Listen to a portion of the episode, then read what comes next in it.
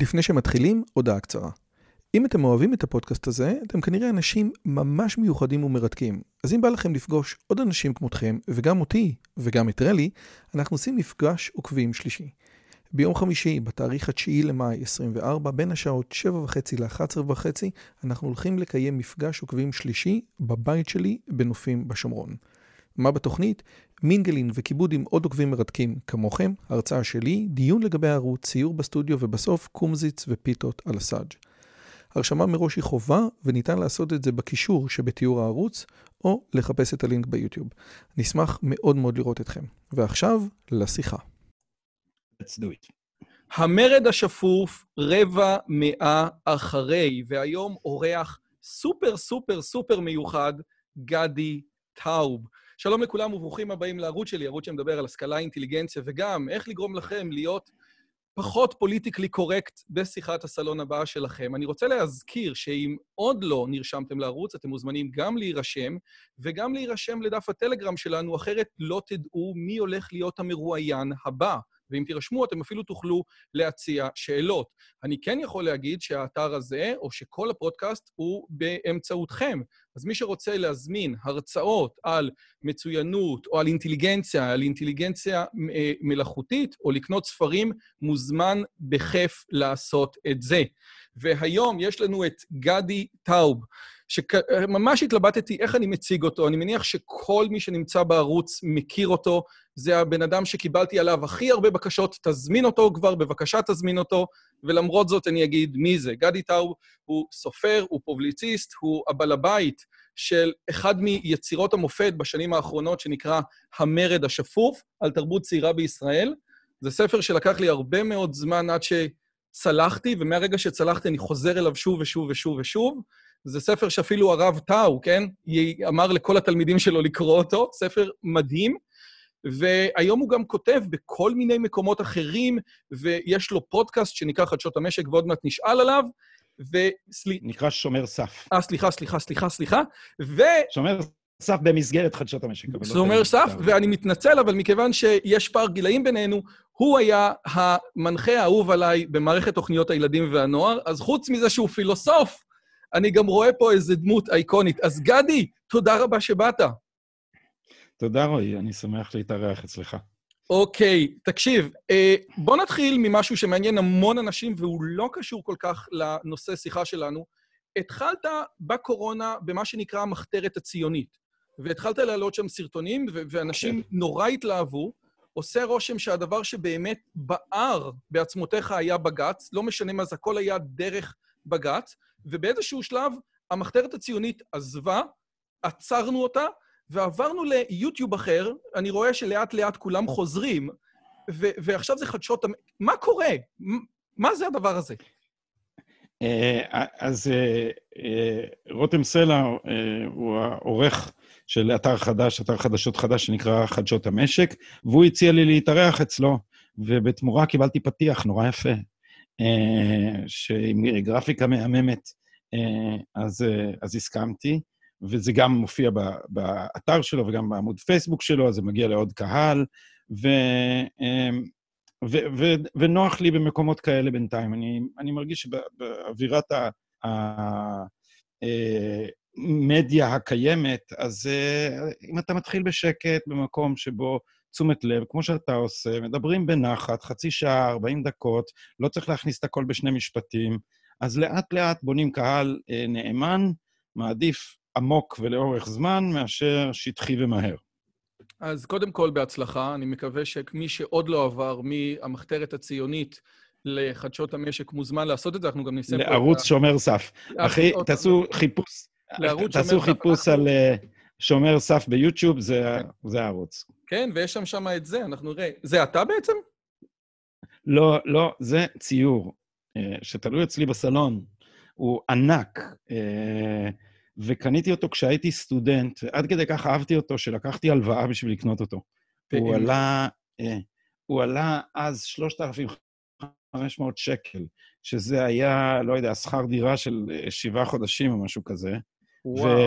והייתי עובר בגלריה הזאת ומסתכל עליו, ואני לא כל כך, אני, אין לי כל כך, אני לא מתמצא באמנות פלסטית, הרוב לא מדבר אליי, וזה ממש דיבר אליי. וחברתי אז, קטי, יום אחד אמרה לי, בפשטות האופיינית לה, אז אולי תקנה אותו. אז, אז ניגשתי לבעל הגלריה ושאלתי אותו כמה זה עולה, והוא אמר לי 3,000 שקל. ואז שכרתי דירה, אה, זה היה לפני הדירה במלצ'ט? כן, זה היה לפני הדירה במלצ'ט, אבל, אבל הכרתי את אדם ברוך, שהיה סוחר, אה, או שהיה בין השאר מבקר אומנות, והוא אמר לי, השוק חלש, תבקש ממנו, תבקש ממנו לרדת מ-2,500. אז אמרתי לו, תשמע, 2,500. אז הוא אמר לי, אני צריך לשאול את הצייר. ואז הוא שאל את הצייר, והצייר אמר לו, תגיד לו 10,000, אני לא רוצה למכור את זה בכלל. ואני, זה, אמרתי, יא אללה, 10,000 זה כאילו היה מחוץ לתחום. סטודנט, אתה יודע, סטודנט ל-BA, אבל... אה, איזה אבל, צייר חוצפן. אמר, אבל להפך, בסוף, הצייר, הצייר יובל חסון, אמר, התקשרתי אליו והתחננתי על נפשי, ואז הוא אמר לי, תשמע, מכיוון שאתה כל כך אוהב את התמונה וזה נוגע לליבי, קח אותה ב-3,500. בוא רק נעשה חוזה, ששישה שבועות בשנה אני יכול לקחת אותה לתערוכות. אמרתי לו, יצאת גבר-גבר. לקחתי הלוואה אה, ורכשתי את התמונה, ואני כל כך אוהב אותה, שכשנסעתי לדוקטורט ללמוד בניו יורק, הסעתי אותה, ואתה לא מאמין איזה... היא, המסגרת שלה בעובי כזה. אז אתה, אתה לא מאמין איזה מסובך זה להסיע יצירת אומנות ששווה אלפים. זה כאילו צריך לבטח אותה, וצריך לזה, וזה הובלה מיוחדת, ובונים לה ארגז מעץ, ואל תשאל. אבל היא טסה איתי לניו יורק. והיא הייתה איתי ארבע שנים בניו יורק, והיא חזרה לפה. רגע, אז אני חייב לשאול, הוא, הוא לוקח אותה באמת שישה, חודש, שישה שבועות בשנה? זה לא קרה אף פעם, אבל הוא יכול. יובל, אם אתה מקשיב לנו בפודקאסט, החוזה עדיין קיים, אתה יכול לקחת את התמונה, עם ביטוח. יש עליה ביטוח ב-5,000 שקל כל פעם שיוצאת מבית. טוב, אז יאללה, בוא נתחיל. תראה, אני את הדוקטורט שלי עשיתי במדעים, ויש תיאוריה שנקראת תיאוריית הפרפר, ואני רוצה להסביר אותה למאזינים, והיא הולכת ככה. אה, אה, בחור שחור נרצח במיניאפוליס, ובלונדון אה, זורקים את הפסל של צ'רצ'יל לנהר, ובבריסל לוקחים את החנויות, כן, ופשוט בוזזים חנויות של אפל, כאשר המשטרה יושבת, אני רוצה רק להראות את זה למאזינים. יש פה אנשים נכנסים לחנות של אפל.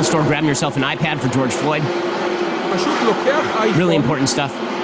Stealing an iPhone for George Floyd. ויוצא. Everybody...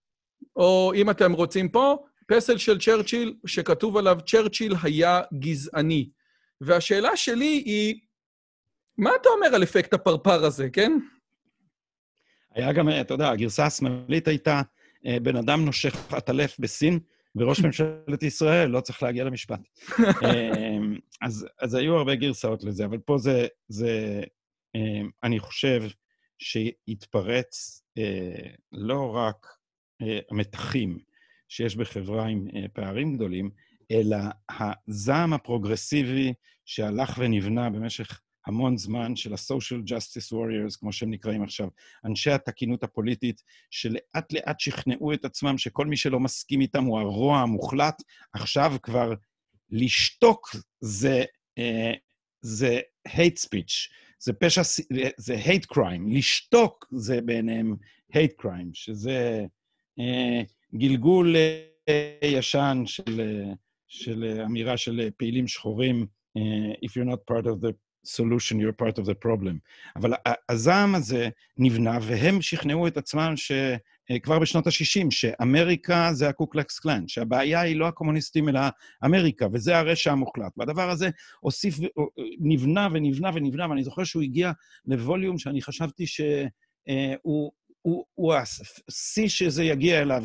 עם ג'ורג' W. בוש, כשאנשים, תראה, ה-Onion, שהם שמאלנים, אבל יש להם חוש הומור, כתבו שם, היה להם ידיעה אחת, liberal, liberal dies of outrage fatigue. שמאלני מת מעייפות זעם יתר. כן. אז זה עוד היה תחת בוש, ועכשיו כשטראמפ נבחר, אז הם פשוט לגמרי ירדו מהפסים. והאנשים האלה עכשיו חושבים שא', טראמפ, מל... טראמפ הוא גזען, שטות ממדרגה ראשונה, כל הציטוטים האלה שמוציאים דברים מהקשרם. הרי טראמפ מוכר, עכשיו ראיתי, דיוויד הורוביץ כתב את זה. טראמפ היה סלבריטי מוכר 30 שנה לפני שהוא הגיע לנשיאות. אף פעם לא חשדו בו במשהו גזעני. הוא היה מנחה של תוכניות uh, ריאליטי. אף אחד אף פעם לא אמר שהוא... הוא נהיה גזעני כשהוא נהיה מועמד לנשיאות, והם, האנשים האלה, במשך המון המון זמן עכשיו, טיפחו אצל עצמם righteous indignation, השם אתה, הוא מוכר לך מספרו של נגיע אליו. והם חושבים עכשיו שכל העולם מבין שהשוטר הזה שדרך בברכו על צווארו של ג'ורג' פלויד והרג אותו, אכזריות, זה לא איזה סדיסט ואולי גזען, אלא הוא מייצג את הנורמה. אני מראה פה תמונות, תוך כדי שאתה מדבר, אני מראה תמונות של ארבעת השוטרים שנאשמו, חלק מהם היספנים, חלק מהם אה, אה, אה, אסייתים, זאת אומרת, לא מדובר באיזה white privilege, זה, זה היו שוטרים שאגב, חשוב להגיד, כולם בכלא. כולם עשו משהו לא בסדר, כולם בכלא. רק ברגע זה המשטרה, שהיא רואה הפגנות, היא לא עושה שום דבר. המשטרה חסרת אונים כי מהפחד שיאשימו אותה במשהו שהיא נגד שחורים.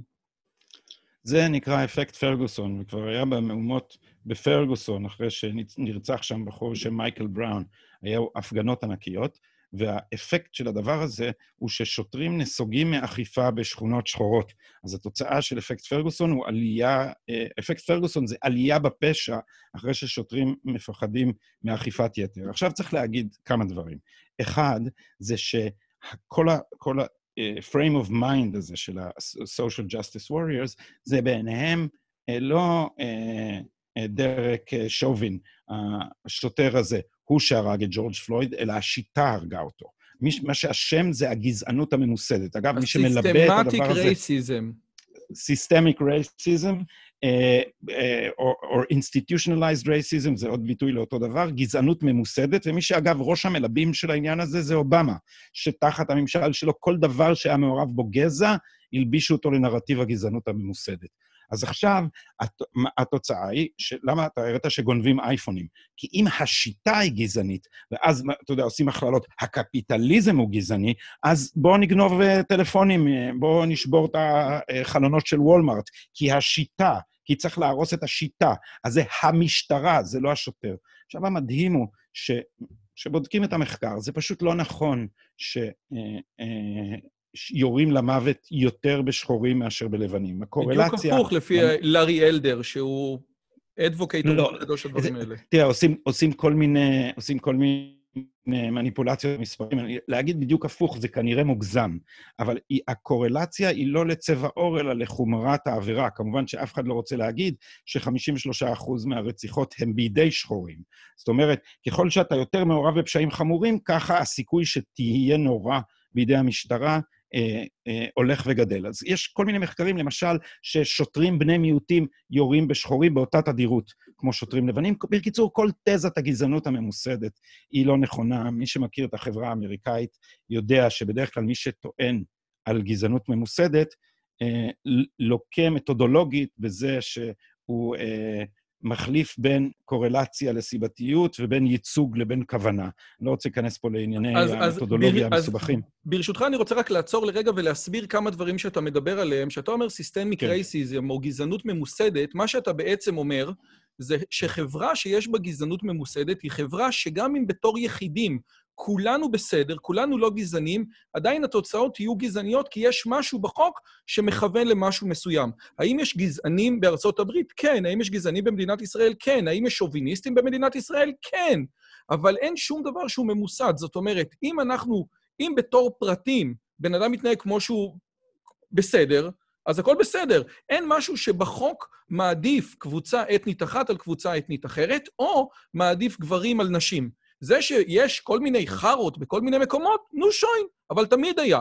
א', השאלה האם יש יותר היום ממה שיש פעם, והדבר הנוסף שאתה מדבר עליו, והוא באמת המשמעותי, המספרים או הקורולציות, כי בסופו של דבר ה-FBI מפרסם את הפשעים לפי גזע. זה, זה, זה מידע שהוא לא מידע שהוא מתחבא, זה מידע שקיים באתר של ה-FBI, ואז אתה רואה ששישית מאוכלוסיית ארצות הברית אחראית ליותר מ-50% מה, מהפשעים, ואז עולות באמת הרבה שאלות. כן, ואז צריך לשאול למה. אבל אתה יודע, חלק מהדברים של ה-PC זה שאסור אה, להזכיר עובדות שאינן נוחות לתזה השוויונית. אני אוהב את הציטוט מבן שפירו שאומר, Facts don't care about your feelings. אגב, אנחנו עשינו אותם בעברית, עובדות אדישות לרגשות. נהדר. נכון? זה אפילו מתחרז, אני לא יודע אם שפירו יודע עברית, אבל... אני שלחתי לו את החולצה, אבל הוא לא ענה לי עליה. אה, אז, אז, אז אסור להגיד את הדברים האלה. אתה יודע, זה כמו, תסתכל מה, מה זה נזקי ה politically correct.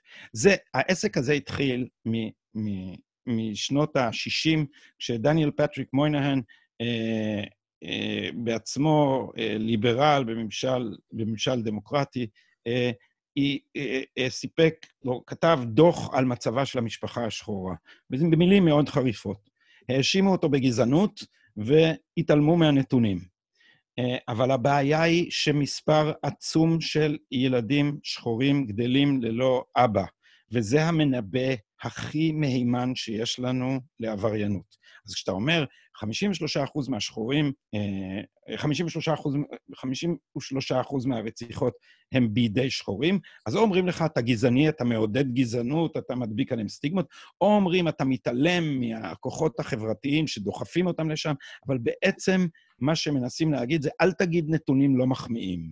כי כל הפוליטיקלי קורקט מניח שצריך לתקן את המראה, ואז הפרצוף יסתדר. עכשיו תסתכל איך זה אצלנו, כי גם אצלנו זה אותו דבר. המשטרה סירבה, היה לי שיחה בשומר סף עם יונתן יעקובוביץ', שיחה מרתקת על, אה, על מדיניות ההגירה המטורללת של, של מדינת ישראל, ואיך בג"ץ פשוט מכשיל כל ניסיון אה, להוציא מפה או להגביל את ההסתננות. אבל הוא אמר לי מפורשות, המשטרה במשך שנים לא הסכימה, למרות חופ, חופש המידע, לתת נתונים על פשיעת מסתננים. ומה הייתה הטענה? הטענה הייתה שזה נתונים שיעודדו דעות קדומות נגד המסתננים. זאת אומרת, אסור לגלות את האמת, כי האמת אה, לא מחמיאה. אה, זה הפוליטיקלי קורקט וזה, אלה נזקיו, והבעיה היא שאם לא נתחיל לדבר, אם לא, אם לא נאמר את האמת, לא נדע איך לתקן. אז, אה, אז אלה מאיתנו שלא מוכנים להיכנע לתרבות הפוליטיקלי קורקט, צריכים פשוט להפסיק לפחד מהטרור הזה, שבו על כל דבר שאתה חולק על החבר'ה האלה, הם אומרים לך שאתה גזען, או שאתה מיזוגין, או שאתה איסלאמופוב, וצריך פשוט להתעלם מזה, כי כמו שאמר דן שפטן, המשמעות החדשה של המילה גזען זה אין לי תשובה לטענות שלך ואני רוצה שתסתום.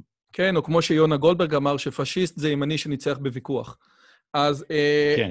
אז לפני שאני אצטט מאחד הספרים שאני הכי אוהב, גם מרד השפוף, אתה עדיין מקבל מזה תמלוגים? כאילו, יש, אה, יש עניין להגיד, המרד השפוף, תקנו את המרד השפוף, כן? או ש... בוא, תמלוגים זה אף פעם לא, לא הדרך, אתה גם מוציא ספרים, אז אתה יודע שלהרוויח כסף מספרים זה, אה, זה כמו להוציא מים מאבן. ספר זה כרטיס ביקור יקר, זה הכול. כן, אבל יצאה מהדורה חדשה עכשיו של, של המרד, כי, מהדורה מוגבלת, ואפשר להשיג אותו בהוצאה. אבל הוא עשה קילומטראז' לא מבוטל. כן. יצ... זאת המהדורה ה-15, לדעתי. וואו. זאת אומרת, הוא... אז אנחנו נעשה גם החמש... לינק לזה. לפני שאני אצטט מתוך המרד השפוף, אני רוצה להגיד לגבי מה שאמרת על ילדים בלי אבות. א', לארי אלדר, הוא קורא לזה הבעיה הכי גדולה של הקהילה השחורה באמריקה. אובמה אמר שיותר מכל דבר אחר, וזה אותו אובמה שמדבר על סיסטמיק רייסיס, אמר שזאת הבעיה הכי משמעותית שיש למשפחות השחורות בארצות הברית. כילד שגדל בלי אבא, זה הפרדיקציה הכי טובה לזה שהוא ילך או יידרדר לפשע. והדבר הכי מעניין, שזה לא קשור למה שקורה... זאת אומרת שלפני משטר ג'ונסון ולפני כל מדיניות הרווחה, המצב היה הרבה יותר טוב. זאת אומרת, יותר ילדים גדלו עם אבא בתקופה של העבדות, שהיה אסור להתחתן, מאשר היום שמקבלים אה, כל מיני רווחות ממדינת אה, ארצות הברית. עכשיו, אני רוצה אני, לצטט... אני, אני מציע לך לזכור גם את האספקט המגדרי של העניין הזה, שכשהתיאוריות החדשות של המגדר אומרים לך שגבריות היא רעילה, הנה, ילדים שגדלים בלי מודל גברי בבית, הם לא פחות אלימים, הם יותר אלימים. אז מסתבר שגם אם אנחנו לא יודעים להסביר את זה, יש אה, צורך באבא, וכנראה ש... אה, אני לא רוצה להגיד אה, אי אפשר בלי, כי זה, זה לא נכון, אבל כנראה שזה דבר שמאוד מאוד עוזר. אני... וזה יודע, אגב, נכנס אגב... אחותי? היא משפחה חד-מינית, והילדים שלה מקסימים והכול בסדר. אני בכלל... המסקנה מזה היא לא שאנחנו צריכים לעשות את זה בחוק, אבל המסקנה היא גם לא שאנחנו צריכים להעמיד פנים כאילו זה אין לזה שום השפעה. אז מסתבר שיש לזה השפעה.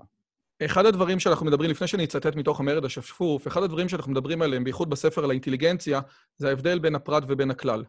והמילה סטטיסטיקה, פירושה סטטיסטיקום של המדינה. זאת אומרת, מכיוון שנשים חיות יותר מגברים, אז המדינה צריכה להתייחס לזה אחרת. האם זה אומר משהו לאישה הבאה שתיכנס לחדר? לא. אבל בוודאי יש משמעות למסה של הרבה מאוד נתונים. ואני רוצה לצטט מתוך המרד השפוף, כי בעצם הפוליטיקלי קורקט, ועוד מעט אני אתן את, ה, את ההגדרה של מרקוזה לפוליטיקלי קורקט, אבל הפוליטיקלי קורקט אומר את הדבר, ההגדרה המקובלת היא, יש דברים נכונים שאני לא אומר, כי הם יכולים להעליב. זה הכל, או בואו נתקן את המראה. ואתה ב-97 כותב את המילים הבאות. מציעים לנו לחסל את קריטריון המדידה במקום לשנות את המידות שהוא מצביע עליהן. בהקשר הזה זה בין היתר בעקבות הסיפור של השחורים באוניברסיטת קורנל, שנתנו להם ללמוד באוניברסיטה, אבל אז ראו שהציונים שלהם לא מספיקים כדי לקבל תואר, ואז האוניברסיטה עשתה יד אחת כדי לחרטט איזשהו חרטוט, ובסוף לתת להם איזה תואר שהוא לא היה שווה כלום. מדיניות שכזאת מוותרת על הניסיון להעלות את מי שנקודת הפתיחה שלו נמוכה לגובה הסטנדרטים הנהוגים, ומציעה במקום זאת לחסל את הסטנדרטים עצמם. אם אתה לא טוב במתמטיקה, אז במקום שניתן לך שיעורי עזר ונגביה אותך, אנחנו אומרים, עזוב, מתמטיקה זה לא, זה לא חשוב. ואז אתה כותב את המשפטים הבאים, שזה מדהים.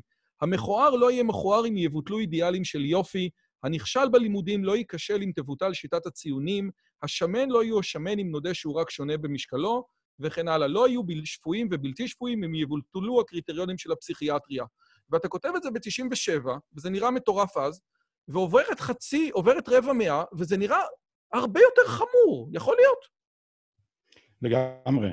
אה, תראה, זה הגיע לזה, אני מסתכל על זה עכשיו, זה פרץ לזירה הפוליטית. זה כל העסק הזה התרחש באינטליגנציה ובאקדמיה, אבל תראה ממש בימים האחרונים.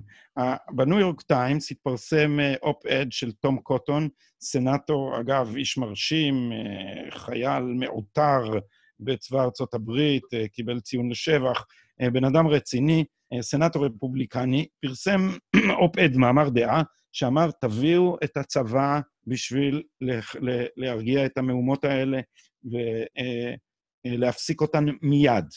אה, ואז הניו יורק טיימס התחיל להתפתל סביב למה הוא פרסם את זה, כי כל העיתונאי woke האלה, כל העיתונאי פוליטיקלי קורקט, הפוסט-מודרניים האלה, התקוממו נגד, נגד העיתון של עצמם, כי זה האנשים שלמדו שאפשר לעשות את זה באוניברסיטה.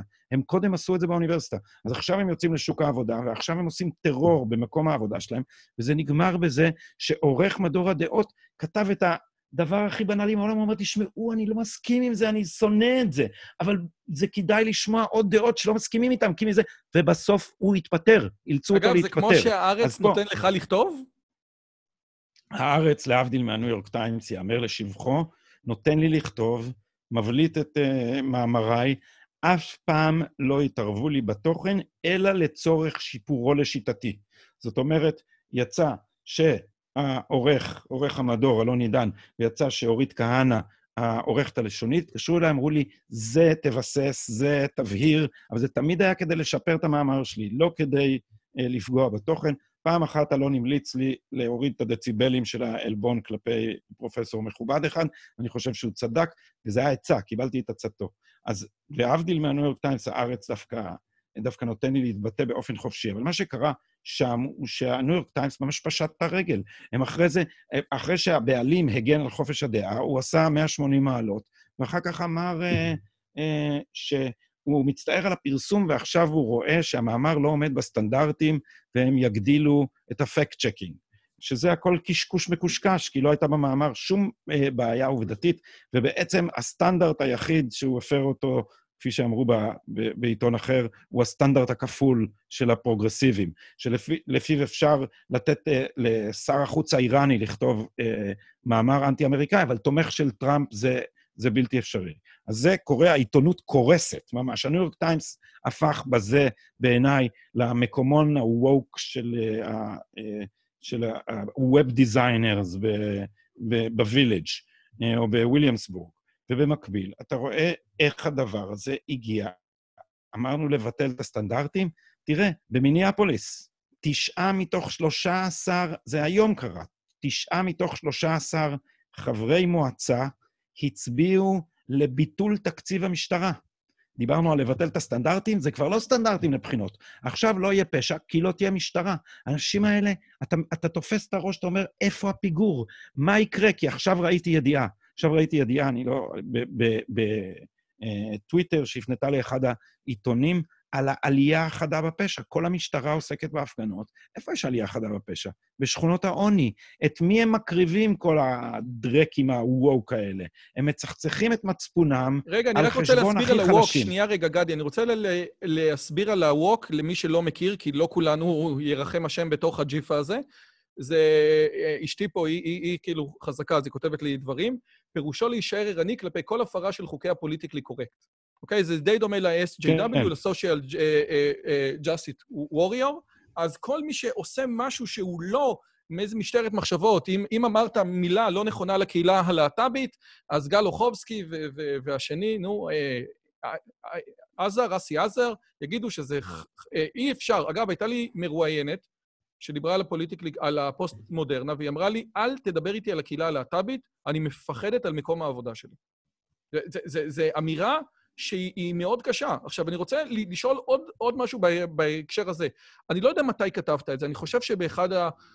אולי ביום עיון על הספר המתנחלים. כתב, אמרת שההבדל בין הברית זה חבר... ב- ו- ובין ישראל זה חברת מה- מהגרים עם עבר משותף או עם, או עם עתיד משותף, נכון? רק תגיד את ה... את ה... כן, אני, אני מלמד על החברה הישראלית, והמומחיות שלי זה אמריקה, ואלה שתי חברות שסוציולוגית הן חברת מהגרים, ובחברת מהגרים, הדבר, אחד הדברים המאפיינים אותן, זה שהזהות המשותפת מתבססת או מוקרנת על העתיד המשותף, בזמן שהעבר הוא מפריד. הציונות היא מקרה ביניים, כי מצד אחד סוציולוגית היא קיבוץ גלויות, ומצד שני, יש לה עבר מיתולוגי משותף שכולנו שימרנו אותו במשך כל הדורות. ועדיין הציונות יצרה אה, זהות יהודית חדשה, רבת עוצמה. אנחנו עומדים להפוך ברוב. זאת אומרת, אנחנו בדרך לשם. ישראל אה, בכלל, אבל בתוך ישראל, הציונים, אה, הציונות היא יותר חזקה מכל ההפגנות עם דגלי אש"ף בתל אביב, עם, ה, עם ההתנוונות המוחלטת של, ה, של השמאל הפוסט-לאומי, שכמו שאתה יודע, אני קורא לו הניידים. אה, כן. אבל אה, אני רוצה להגיע לארצות הברית, כי אתה אמרת שארצות הברית זה חברת מהגרים עם עתיד משותף, ולאורך כל השנים זה היה ככה. חלק ממה שברייטברט, ועוד מעט נגיע אליו, אומר, שהחלום הקומוניסטי לא היה יכול להתקדם בארצות הברית, מכיוון ששם היכולת של הבן אדם להגיע ממעמד נמוך למעמד גבוה בתוך דור, היה באמת אמיתי. זאת אומרת, ברוסיה ובגרמניה, שזה התפתח, היה איזשהו מעמד מפריד שלא יכולת להיות מקטן לגדול. וארצות הברית תמיד הייתה מאוד פטריוטית, כן? אתם, אפשר לראות מה שטוקוויל כותב על זה, מאוד אהבה, אתה יודע, אה, בכל המקומות הסמלים של הדגל האמריקאי, בכל מקום. אצלנו, מי ששם דגל הוא פשיסט. ו- ופתאום יש שאילון מאסק משגר טיל לחלל בלאונץ' אמריקה, כן? אנחנו חוזרים להיות האימפריה הגדולה אחרי שאובמה הוריד, וכאילו האמריקאים לא נהנים מזה, מתביישים בזה.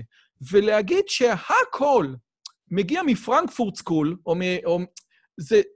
לי זה לא מסביר. את... איך יכול להיות שחברה שהיא כל כולה הייתה עם, עם גאוות יחידה בלתי רגילה, כן? איך יכול להיות. ואיך יכול להיות שבאותו שבוע שעושים, שאילון מאסק, אתה יודע, שחברה פרטית, ביחד עם נאסא, שולחת טיל לחלל בצורה מטורפת, משהו שלא היה בהיסטוריה, באמת, התקדמות מרחיקת לכת קדימה. איך יכול להיות שבאותו שבוע, ברור שזה מתוזמן, אבל החברה האמריקאית, איך, איך יכול להיות שהיא איבדה את גאוות היחידה שלה?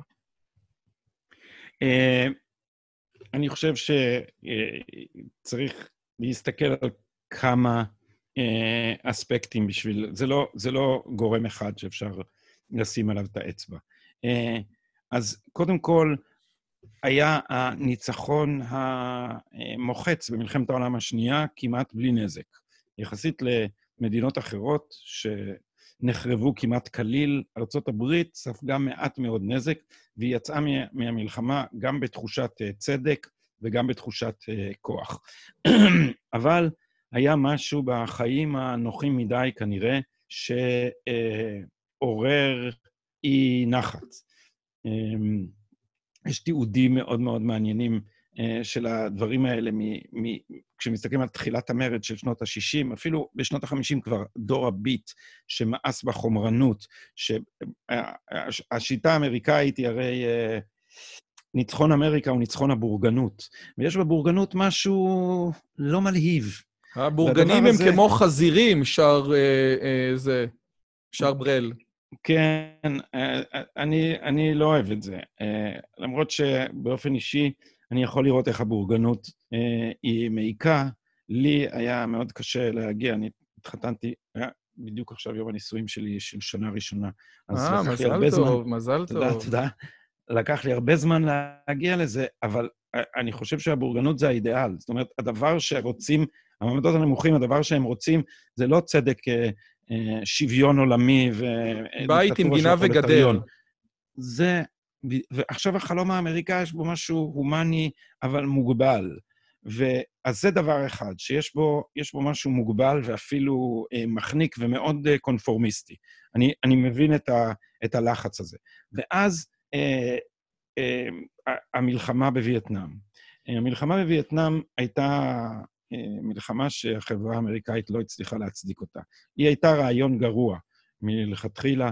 אה, זה, אה, אה, החברה הווייטנאמית אה, ראתה בקומוניסטים תנועת שחרור, ו, ולכן זה לא, זה לא עזר אה, לשחרר. זה, זה נורא קשה לאמריקאים להבין איך כשאתה... הם חושבים שהשיטה האמריקאית היא לא שיטה.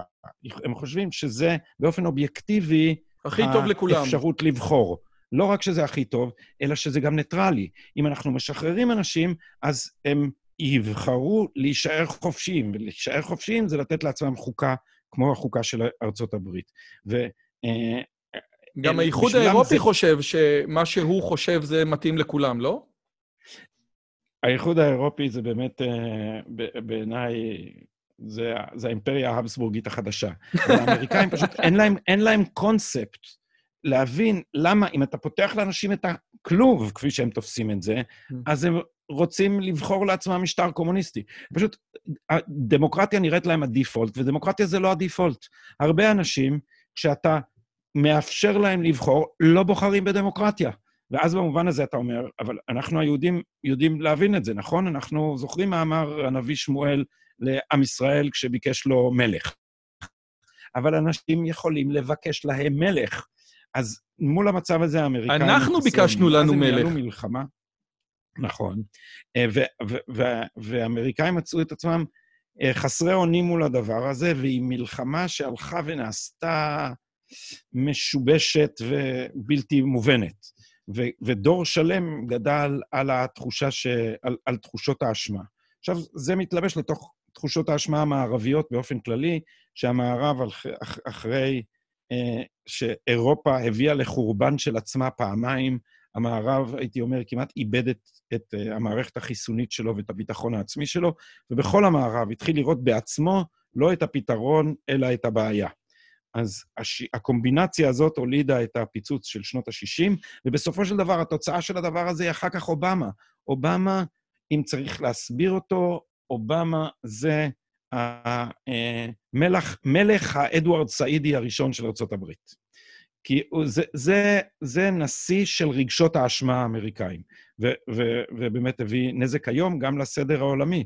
אגב, רק שנייה, שאמר- ברשותך, אני רק רוצה ל- ל- להגיד, כן. אובמה בתור נשיא אומר שצריך להוריד את הכוח של ארצות הברית במגרש העולמי. בוא נחזיר את ארצות הברית לאיזה שהם מימדים שהם אולי הממדים הרגילים, אבל ארצות הברית היא לא תהיה השריף של העולם, וכאשר מישהו לא השריף, אז מישהו אחר יבוא ויקח את התפקיד. אבל יש פה... סין, סין. סין, רוסיה, אבל יש, אני, אני חושב, אגב, לגבי מה שאמרת לגבי הדמוקרטיה, יש איזו אנקדוטה משעשעת. כשדגלס מרי היה בארץ בכנס השמרנות, אז שאלתי אותו על הספר שלו, אמרתי לו, תקשיב, יש תיאוריה של אה, הלמוט נייבורג, שהוא חוקר IQ, שאומר שניתן לקיים אה, משטר דמוקרטי רק במדינות שהאינטליגנציה הממוצעת שלהן היא גדולה מ-90, IQ. ואירופה מתקדמת לאט-לאט לתוך, או, או מידרדרת, בגלל ההגירה וחוסר הילודה לאיזשהו רף שבה האינטליגנציה הממוצעת תהיה מתחת ל-90, ואז הדמוקרטיה כבר לא תהיה יציבה. זה אגב הסיבה שארצות הברית מנסה דמוקרטיות בהרבה מאוד מקומות, ו- ו- וזה לא עובד. ואז שאלתי אותו, תגיד, אתה מכיר את התיאוריה הזאת? אז הוא אמר לי, ברור. אז אמרתי לו, למה לא כתבת אותה בספר שלך? אז תקשיב מה דגלס מרי אמר, הוא אמר לי, זה היה inflammatory.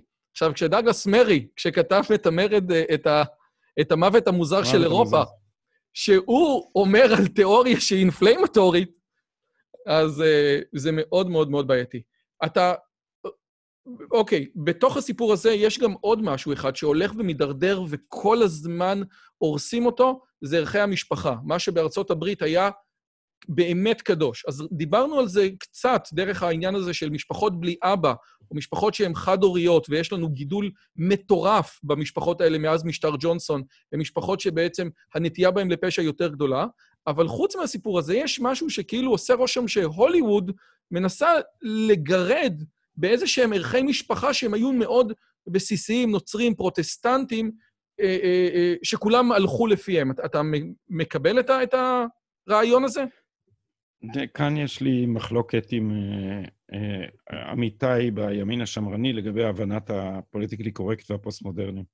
הטענה שלי היא שאי אפשר להסביר את זה, או לפחות זה לא ממצה להסביר את זה בתור המשך של השמאל הישן, ענף, גלגול חדש של הקומוניזם, מפני שבלב העמדה הפוסט-מודרנית יש דווקא רדיקל... רדיקליזציה של האינדיבידואליזם, ובשום מקום זה לא יותר בולט מאשר בפמיניזם הרדיקלי. הפמיניזם הרדיקלי הוא בעיקר התיאוריות הקוויריות של המגדר, שבהם אתה, לכן הם, הם, הם נגד... אה, אה, ג'ודית באטלר אומרת שכל סוג של סולידריות כופה אחדות, ולכן היא דיכוי. אז בעצם המגמה הזאת היא מגמה שבליבה נמצא, כמו בכל הפוליטיקה של הזהות, נמצא הרעיון שאף אחד לא יגדיר אותי מבחוץ. לכן הקבוצות של הפוליטיקה של, הפוליטיקה של הזהות כל הזמן מתפצלות. אני אוהב את הדוגמה מקריסטינה הוף סומרס, שהיא קוראת לעצמה The Factual Feminist, והיא נפלאה, כדאי לעקוב אחריה. יש לה, יש לה אה, video blog נהדר, והיא בן אדם נבון ומתון. אנחנו והיא, נשים אמרה... לינק, נשים לינק, חברים, אל תדאגו. אל תלכו לחפש עכשיו, תמשיכו לשמוע את הריאיון, נשים לינק למה שגדי אומר. כן, אה, סליחה. וקריסטינה, בספרה Who Stole Feminism, שנכתב בשנות ה-90, היא אומרת, פעם היה לנו ברור מה האג'נדה שלנו בכנסים פמיניסטיים. עכשיו היא אמרה, זה היה בשנות ה-90, היא אמרה, עכשיו הכנסים עסקו בחלוקה לקבוצות. בכל, בכל קבוצה הייתה תלונה שהקבוצה מדכאת תת-קבוצות בתוכה. אז היא, אז היא אמרה, כשהקבוצה של, אני סתם, אני, לא, הדוגמה יכול להיות לא לגמרי מדויקת, אבל זה הרמה, כאילו, האינגרידיאנטס הם מהמקור, כשהקבוצה של היהודיות השמנות שזהותם המינית נמצאת במעבר, התחלקה לאלרגיות ולא אלרגיות, אז אתה, אז אתה מבין שהדבר הזה, שום קבוצה לא תהיה יציבה. עכשיו הגענו בסוף, הדבר, המקום שבו זה ייעצר, זה היחיד. באני. אבל, אבל גם האני הם רוצים לפרק. גם הזהות היא, אז, אתה יודע, הפרויקט הפוסט-מודרני כבר רוצה לפרק את הזהות. אז עכשיו אמרתי שהליבה של זה זה התיאוריה של המגדר. מה פשר קידוש הטרנסג'נדרים? אגב, אני רוצה בהקשר הזה... המגדר, אה, רגע, רועי, שנייה. סליחה, סליחה. אפילו המגדר הוא הגדרה של עצמך שהיא הבניה חברתית מבחוץ. לכן, הדרך להשתחרר מזה היא, מה זה טרנסג'נדר? זה לא מגדר טרנסג'נדר, זה מעבר בין מגדרים. זאת אומרת, השינוי, זאת אומרת, המרד בזהות של עצמך הוא אידיאל החופש האולטרה אינדיבידואליסטי הרדיקלי שלהם. ועל אז לא זה... אז לא כל שכן שהמשפחה זה דבר מדכא. ועל זה במקור ראשון אמרו, למה המין שלך זה דבר שאפשר לשנות בניתוח, אבל את המגדר אי אפשר לשנות. אני חושב שהדבר המרכזי זה מה שג'ורדן פיטרסון, אולי, אתה יודע, בביל C16 של הסנאט, שאומר את הדבר הבא, שמזמינים אותו לשימוע, וזה באמת מדהים איך שהוא, לפני שהוא היה ג'ורדן פיטרסון, כן? לפני קייטי ניומן, היה ג'ורדן פיטרסון גם לפני. והוא מתווכח, והיא אומרת לו, אבל אני לא מבינה, מה הבעיה שלך?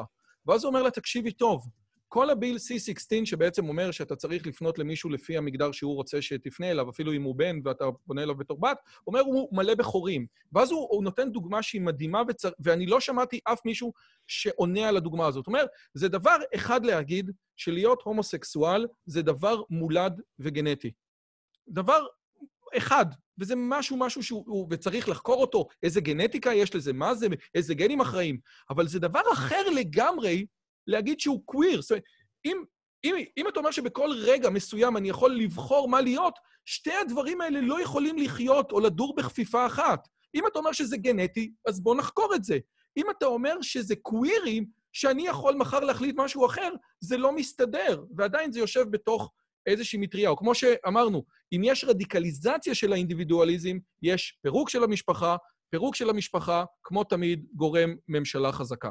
ומה שמוביל אותי מהממשלה החזקה, אולי לכל מה שקורה עכשיו עם הביג טק. מה זה? איך אתה מבין את זה שטוויטר אומרת לטראמפ, אני הולכת לעשות לך fact checking על מה שאתה מצייץ? אה, שזה שיא הבדיחה, כי במשך אה, כמה שנים עכשיו אה, הפיצו את תיאוריית הקונספירציה המגוחכת של השת"פ הרוסי של טראמפ. מישהו עשה fact checking לשקרן הזה, אדם שיף, שניהל את אה, שימועי ה impeachment עבור ועדת המודיעין של בית הנבחרים. וגוגל לא הגיעו לשימוע בסנאט, אגב. שקרים. כן, גם את גוגל אה, אה, דיברו שם על זה שהם מטים את התוצאות של החיפוש. אני ראיתי איך זה קורה לי מול העיניים, כי, כי פייסבוק עשו לי fact checking והורידו לי שיתוף של פוסט שאמר שככל הנראה, וירוס הקורונה אין מקורו בעטלף. זה הכל נראה ממש, אתה יודע, מוזר לאללה במחשבה שזה, שהמקור של זה הוא הוא עטלף, בהתחשב בזה שזה קרה בווהאן, שממש ליד המקום הזה יש את, הווע... את המעבדה היחידה שעוסקת בפיתוח הווירוס הזה. אז uh, קולין פאוול אמר את זה, אמרו את זה אנשים, אתה יודע, לא קולין פאוול, קולין פאוול, מייק פומפאו אמר את זה, שר החוץ האמריקאי. אה, תקשיב, יוטיוב לא מאפשר אמרו. לי לשים פרסומות בסרטונים שאני מדבר על זה שארגון הבריאות העולמי ידע את כל הדברים. מה שדיברנו על ההוא וכל הסיפור הזה, הוא אומר לי, זה תוכן בעייתי, אסור לך לשים בו פרסומות. הרעיון הזה, אנשים קונסרבטיביים אומרים שטוויטר חוסם אותם ביום של הבחירות. הם מצייצים, הוא חוסם אותם. יש פה דברים שהם בלתי הגיוניים. עכשיו, איך יכול להיות שחברה שהערכים שלה היו דמוקרטיים וריבוי דעות, או, או מה שנקרא אה, חוק 230, כן? שבעצם אומר את הדבר הבא, אנחנו פלטפורמה ל... ואנחנו לא נקבל אחריות על התוכן. זה הביג טק, זה כל הסיפור הזה, זה חוק 230. איך זה קרה שטראמפ צריך להגיד, אסור לעשות צנזורה? הרי זה אמור להיות משטרים, הרי הם קוראים לעצמם אנטיפה, נכון? אנטי-פאשיסט. זה הכל לא מובן. זה, אני, אני חושב שזה דווקא מובן, כי אם אתה מסתכל על הדבר הזה לוגית, אז הסובלנות כערך היא דבר שדורש איזון. אתה, זה בקלות יכול לצאת מאיזון, הדבר הזה. כי מיד נשאלת השאלה כמה אתה סובלני למי שאיננו סובלני. זאת אומרת, אם אתה רוצה להיות סובלני לאינסוף ולהגיד שאתה רוצה לתת אה, זכות דיבור גם להיטלר, או האם אתה רוצה להגיד שאתה לא מוכן לסבול דעות קיצוניות ולא סובלניות. ואז בסוף נשאלת השאלה אם אתה לא בסוף סובלני רק כלפי מי שסובלני בדיוק כמוך. יש פה, זאת אומרת, זה לא דבר שאפשר לרבע את המעגל הזה לוגית. זה דבר שצריך חוש מידה ואנושיות ויכולת להתפשר. והפנאטים האלה הם כמו הפנאטים בצד השני. אז בסוף הם מוצאים... אה, קליפורד גירץ קרא לזה, יש להם היפוכונדריה אפיסטמולוגית. הם תמיד מזהים איזו גזענות סמויה בתוך המושגים של עצמם. אז הם הולכים ו... עכשיו, כל דבר הוא hate speech. תחשוב איזה טיעון מגוחך זה שאסור hate. זה כאילו הם ניסו למצוא קריטריון אובייקטיבי ל, ל, ל, לרוע. למה מה זה טוב ומה זה רע. אגב, ההגדרה של hate לקריטריון... סליחה רגע, אני רק אגיד למאזינים, ההגדרה של hate speech זה בעצם היו, יש היום הרבה מאוד סקרים לגבי סטודנטים בקולג'ים הברית, שהם אומרים, כן, אנחנו בעד free speech, אבל לא hate speech. עכשיו, מה ההגדרה של hate speech? זה free speech שלא מתאים עם הדעות שלי. אם אתה אומר, לצורך העניין, יש הבדלים מולדים, גנטיים, בין בנים ובנות, בין קבוצות, בין קבוצות אתניות שונות, זה hate speech. כל דבר שלא מסתדר עם מה שאני חושב, זה דיבור שנאה. ואז זה מחזיר אותנו לג'ורדן פיטרסון ולקייטי ניומן. אם אתה רוצה לדעת מה האמת ולפתור בעיות באמת, אתה חייב לפתור, אתה חייב להיות מוכן להסתכן ואולי להעליב מישהו, כי ה-added value הוא הרבה יותר גדול. אה, כן, אבל אה, קודם כל, אני מסתכל על זה, אני לא יודע את הדברים ש, אה, שאתה עוסק בהם, אני הרבה פחות מכיר, אבל מנקודת המבט שלי, שעוסק בערכים ובתרבות, אז אני יכול להגיד לך שהדבר הזה הוא באופן נורא מובהק נוצרי. כי אצל, את- בנצרות, הערך החיובי זה לאו, אז זה ברור שהערך השלילי זה hate.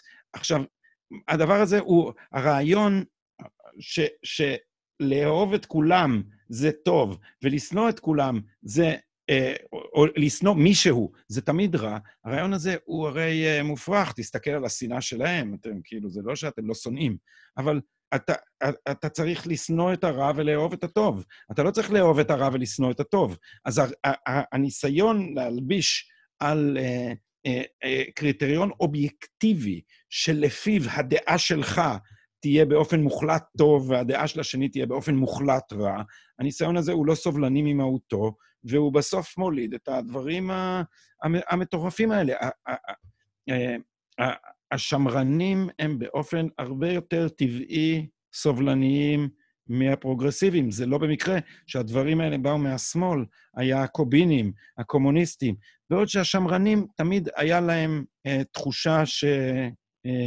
שידיעותינו מוגבלות, ולכן אנחנו צריכים להיות זהירים בשיפוטים מוחלטים. הם גם לא רצו לשלוט באחר. אני חושב שאחד הטיעונים שלי לגבי ירון ברוק, היה לי אה, שיחה איתו, שהוא, אה, שהוא מדבר על הרציונל, שהרציונל צריך לשלוט. אמרתי לו, היעקובינים, כן, רובספייר היה משוכנע שהוא הולך לפי ערכי הרציונל, ומכיוון שאנשים אחרים לא, לא הלכו, אז הוא שחט אותם בכמויות. וזה באמת מגיע לאיזשהו רצ... הבדל משמעותי בין כמה אתה חושב שאתה יודע או לא יודע לגבי אולי אנשים אחרים. ומה שאמרת לגבי זה שהנצרות היא, היא דת של אהבה, זה כל כך נכון, רק צריכים להבין שמי שאוהב את כולם במידה שווה, בעצם לא אוהב אף אחד, ומי שלא יודע את זה, שינסה להגיד לאשתו שהוא אוהב אותה כמו שהוא אוהב את השכנה. אז אה, גדי, אני רוצה להגיד לך קודם אני כל... נמנע מלנסות את זה על אשתי. לא, לא, כן, ביום נישואים ראשון בשום פנים ואופן. לא, קודם כל, תודה רבה על הזמן שלך. אני אבקש ממך שתי שאלות אחרונות שאני שואל את כל המרואיינים שלי, ובכוונה התקלתי אותך. שאלה ראשונה, אוקיי. האם אתה יכול לתת לי ספר שקראת בחמש שנים האחרונות שהפך לך את הראש? זו שאלה ראשונה. תיתן ספר ואנחנו נ, נעשה לינק שלו. בחמש שנים האחרונות, אה, יאללה, תיתן. תיקח עשר שנים. אה, עשר שנים, אז אולי קת'רין הריסון, אולי זה כבר יותר מעשר שנים, אז זה לא... בסדר, אה, סע, אנחנו לא... ספר ששמו הנשיקה, ספר על גילוי עריות, זה ספר נורא נורא קשה, אבל, אבל מדהים, וה- והוא שינה את האופן שבו אני כותב. אחר כך אה, כתבתי כל מיני דברים שילכו מסביב יש לנו תרגום שלו לסוגיה לעברית, הכאובה הזאת. יש אותו בעברית בהוצאת עם עובד, הוא נקרא הנשיקה. אז אנחנו אה, נרפרנס אותו. ולאחרונה, לאחרונה קראתי את אה, Radical Sun של דיוויד הורוביץ. אה, הורוביץ היה בן להורים קומוניסטים, ואחר כך אחד מהמנהיגי, או לפחות ההוגים החשובים של השמאל הרדיקלי בשנות ה-60. ואז הוא התהפך על עצמו. כתב העת השמאלי, ואז הוא התהפך לגמרי, אה, יש לנו את הספר הזה. והאוטוביוגרפיה. שלו, האוטוביוגרפיה שלו, הכנה והנוקבת, שנקראת Radical Sun, אה, נוגעת בכמעט כל הפרות הקדושות של השמאל, אה, כן. ואתה יודע, זה היה בשבילי, מכיוון שעברתי את זה בווליום הרבה יותר נמוך. אגב, הוא שאל את עצמו בספר, למה אבא שלו לא אימץ כלב במקום הסיפור הזה של לגדל אותו. והדבר השני שאני רוצה לשאול, כי באמת, אנשים מסתכלים על מה שאתה עושה, אתה כל כך פורה, אתה כל הזמן מעלה דברים, זה משהו שאני עושה בערוץ שלי בלי קשר.